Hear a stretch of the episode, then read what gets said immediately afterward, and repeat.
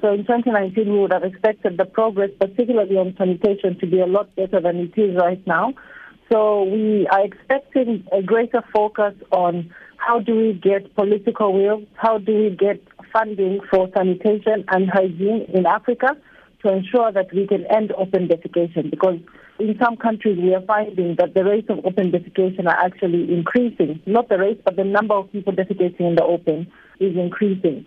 And we are finding even in countries like South Africa, which you would expect to be reasonably wealthy in comparison to others on the continent, still having significant issues with ensuring that they safe secure sanitation in schools for instance and we know all the reports that have surrounded those kinds of stories. Sy sê daar is wesenlike gevare verbonde aan die al groter hoeveelheid mense wat nie behoorlike sanitêre geriewe het of gebruik nie.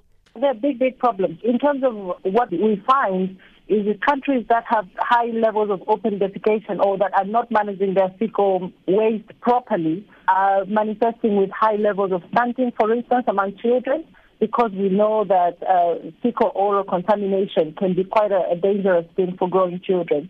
We also find that the incidences of diarrhea are very high. There's contamination of water, which is uh, something that we need to be clean and safe for people. But because we're not adequately thinking about how do we manage fecal waste, whether it's in rural areas or urban areas, how do we ensure that there's a sustainability of using toilets once people have been introduced to them, because that's another big issue we find, is sometimes toilets are introduced and people have been supported to have them, and once they fill up, the latrines fill up, or they fall into disrepair, they're not replaced or uh, improved upon.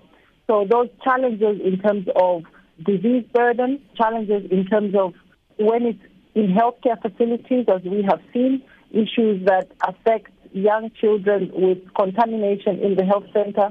Many children in Africa being born and contracting sepsis in the healthcare center because of poor hygiene. Sy sê meeste regerings dink sanitasie is individue se eie verantwoordelikheid, wat waar is, maar toegang tot lopende water is die regering se verantwoordelikheid en dit is gewoonlik waar die probleem begin. It's very hard to understand why it's not, because I think we all understand the connection between uh, poor management of fecal matter and diarrhea diseases. I think everybody understands that connection. But I think it isn't a priority because it is often considered to be a household responsibility to have toilets. It's considered something of a common sense that people should know to wash their hands with soap. But very often, people don't have the water to wash their hands with. So how do we make sure that the investments necessary to make sure people have access to clean and safe water? How do we make sure that people have access to soap? How do we ensure that the facilities that are being provided, whether they be latrines or um, or waterborne toilets, are adequate for the kinds of populations that we have?